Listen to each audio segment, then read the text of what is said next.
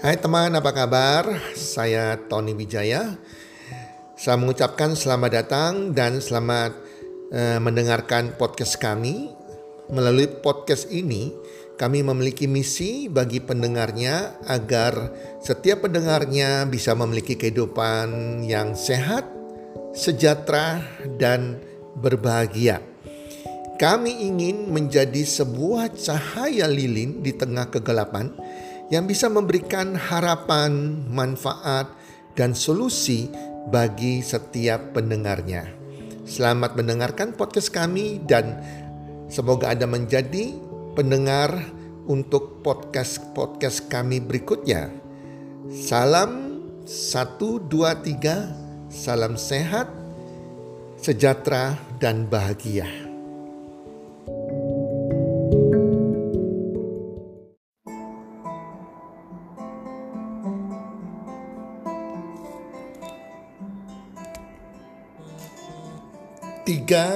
Jenis uang misterius. Para pendengar podcast, sahabat podcast, apa kabar? Semoga ada semua dalam keadaan sehat walafiat, berbahagia, dan makin bertambah rezekinya dari hari ke hari. Teman-teman semuanya, Anda pasti kenal Lee Kasing. Lee Kasing adalah miliarder yang tinggal di Hong Kong, salah satu orang terkaya yang berpengaruh sekali di Asia dan di Asia Tenggara. Dan Lee Kasing ini juga adalah orang yang sangat inspiratif yang ayah saya sendiri, bapak saya sangat mengagumi beliau Lee Kasing ini.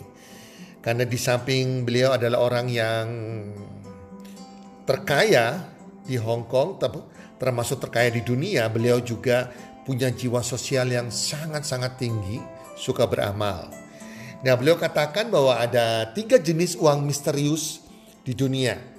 Dikatakan uang misterius karena semakin kita menghabiskan uang tersebut, maka semakin banyak kita mendapat. Ini yang luar biasa. Ayo kita lihat sama-sama kita bahas apa sih tiga jenis uang misterius tersebut Jenis yang pertama adalah uang untuk investasi diri. Sekali lagi, uang untuk investasi diri. Yang dimasukkan di sini adalah uang untuk belajar dan mengembangkan diri Anda. Jadi Anda harus punya yang namanya uang ya. Penghasilan Anda harus keluarkan untuk Anda terus ya terus bertumbuh diri Anda dengan mengembangkan diri Anda lewat pengetahuan-pengetahuan. Anda harus terus bertumbuh, teman-teman. Ya, dengan belajar, ya, mengikuti seminar, baca buku, ya, terus bertumbuh. Jangan pernah segan untuk mengeluarkan uang untuk investasi diri, investasi dari leher ke atas. Nah, kalau hari ini kalau kita membuang Bill Gates ke pedalaman Afrika dan ditinggalin tanpa uang sepeser pun, percayalah dengan cepat Bill Gates akan tetap kaya lagi.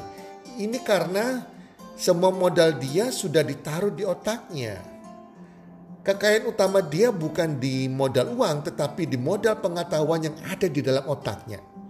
Jika otak kita miskin, hidup kita pun akan miskin dengan kata lain, mengeluarkan uang untuk otak sendiri adalah investasi yang paling aman.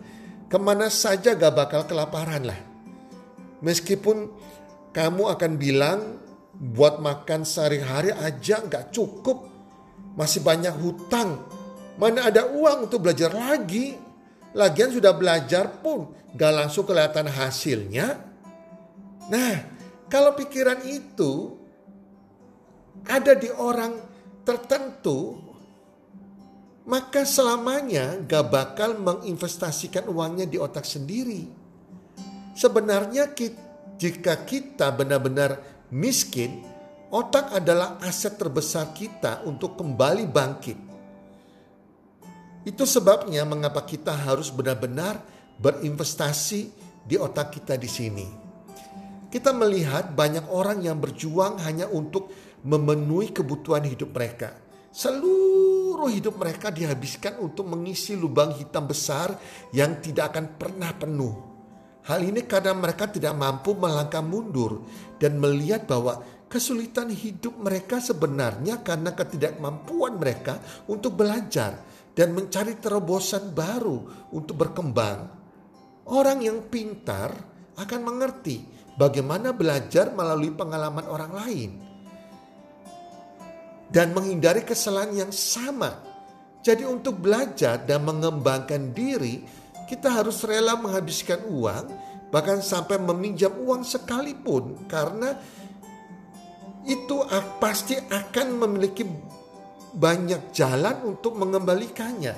Dengan punya kita punya yang namanya uh, pengetahuan, kita akan memiliki banyak cara untuk menjadi kaya dan mengembalikan semua investasi yang pernah kita investasikan di bidang pengetahuan tersebut, investasi di bidang otak kita tersebut. Jadi kita, jadi jika teman-teman menghadapi kesulitan, ingatlah tidak ada kata terlambat untuk belajar. Tidak ada kata terlambat untuk belajar, baik usia muda maupun usia tua sekalipun. Kapan saja kita bisa memulai. Mungkin banyak yang bilang tidak punya uang. Sebenarnya orang semacam ini pasti sudah sudah tidak sedikit membuang uang secara sia-sia.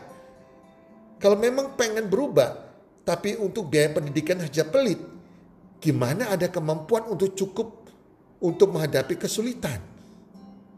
Orang yang bijak harus memahami hal ini. Nah, jenis uang kedua adalah uang untuk berbakti. Uang untuk berbakti. Uang untuk berbakti pada orang tua harus dikeluarkan. Mungkin banyak yang berpikir demikian. Buat diri sendiri saja sudah tidak cukup. Buat menghidupi keluarga saya saja juga masih kurang bahkan masih banyak hutang. Bagaimana bisa secara rutin memberikan uang pada orang tua? Ada juga yang bilang di rumah tidak kekurangan uang, papa dan mama saya punya cukup uang. Ngapain kita perlu memberikan uang pada orang tua? Para pendengar podcast, tidak peduli bagaimana keadaan ekonomi orang tuamu, Uang untuk berbakti pada orang tua harus diberikan secara rutin. Semiskin apa pun, sebulan sekali harus menyisikan uang untuk orang tua kita. Semiskin apa pun orang tuamu, dia tetap telah berjasa membesarkanmu. Coba pikir, apakah karena banyaknya utang, gak cukup uang, lalu orang tua kita akan kita tinggalkan. Tidak demikian juga orang tua kita juga pada waktu mereka miskin, mereka tidak pernah meninggalkan kita. Semiskin apa pun orang tua kita, pasti akan membesarkan kita. Iya kan? Jadi kalau sekarang kita bisa mengembalikannya, itu memang sebuah keharusan. Bagaimana boleh hanya ketika punya uang baru memberikan dan saat tidak punya uang tidak memberikan? Sebenarnya mungkin kita tidak tahu berbakti pada orang tua itu ibarat sebuah restu alami. Berbakti pada orang tua seperti Anda berbakti kepada Tuhan. Jika kepada orang tua saja yang kelihatan di depan mata, kita tidak bisa berbakti, kita tidak bisa menabur kebaikan, memberkati mereka. Apalagi dengan Tuhan kita yang Maha Esa yang tidak kelihatan. Relasi yang baik, hubungan yang baik dengan orang tua akan meningkatkan kekuatan restu, kekuatan berkat yang tidak kelihatan dari Tuhan. Seseorang kalau tidak memiliki restu dari orang tua, seumur hidup tidak akan lancar dalam mengerjakan apa pun. Para pendengar podcast, berbakti pada orang tua juga sekaligus untuk diri Anda sendiri. Jadi jika dilihat dari sudut pandang lain, uang untuk berbakti bukan saja hanya untuk kebaikan orang tua, tapi juga untuk kebaikan diri Anda sendiri. Kalau tidak percaya, coba lihat orang sekitar kita. Lihat orang-orang yang sudah 24 kali ganti pekerjaan. Apakah hidup mereka sudah berbakti pada orang tua? Pasti tidak. Orang yang dari muda mengerjakan sesuatu sering gagal, hidup tidak lancar, relasi dengan hubungan dengan orang tua pasti ada masalah. Menurut data yang ada dari hasil survei, 500 pengusaha tersukses di dunia adalah orang-orang yang berbakti pada orang tua mereka. Selagi mereka miskin, mereka sudah berbakti pada orang tua mereka.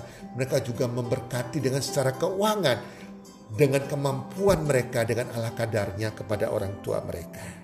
Jadi ingat para pendengar podcast, semiskin apa pun kamu, Uang untuk berbakti tidak boleh dihemat. Jenis yang ketiga, uang untuk amal. Uang untuk amal.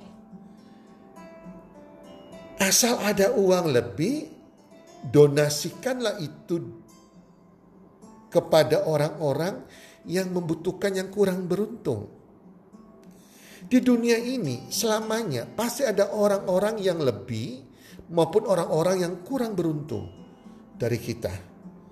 Karenanya, peliharalah, jadikan kebiasaan beramal.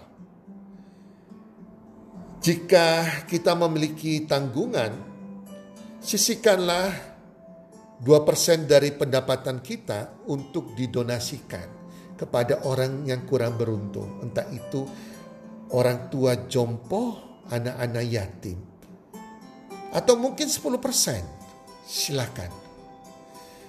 Jika tidak ada tanggungan, berilah silakan bisa 5%, 10% dari pendapatanmu untuk didonasikan.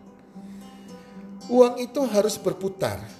Jangan membuat uang hanya berhenti di diri kita sendiri. Berikanlah pada orang yang pernah membantumu. Jika kamu adalah bos, ingatlah bahwa keberhasilan hari ini merupakan buah dari kerjasama seluruh karyawan Anda. Berikan bonus pada mereka adalah hal yang seharusnya.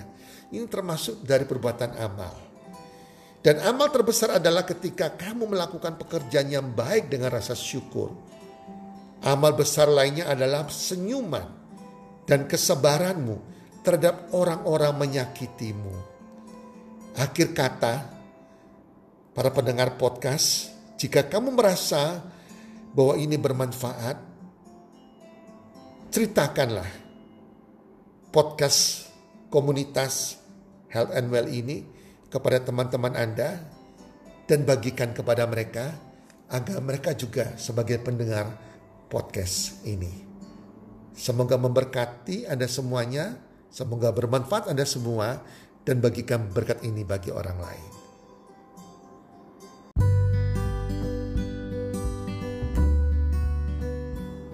Terima kasih sudah mendengarkan podcast kami. Teman, jika Anda rasa bermanfaat podcast kami ini, Anda bisa menginfokan kepada rekan kerja Anda, keluarga Anda, teman ataupun sahabat Anda. Dan jika ada hal-hal yang Anda ingin tanyakan kepada kami ataupun topik-topik apa yang Anda ingin kami bawakan, kami sampaikan, Anda bisa DM kami di Instagram kami healthcommunity id. Salam one two three, salam sehat, sejahtera dan bahagia.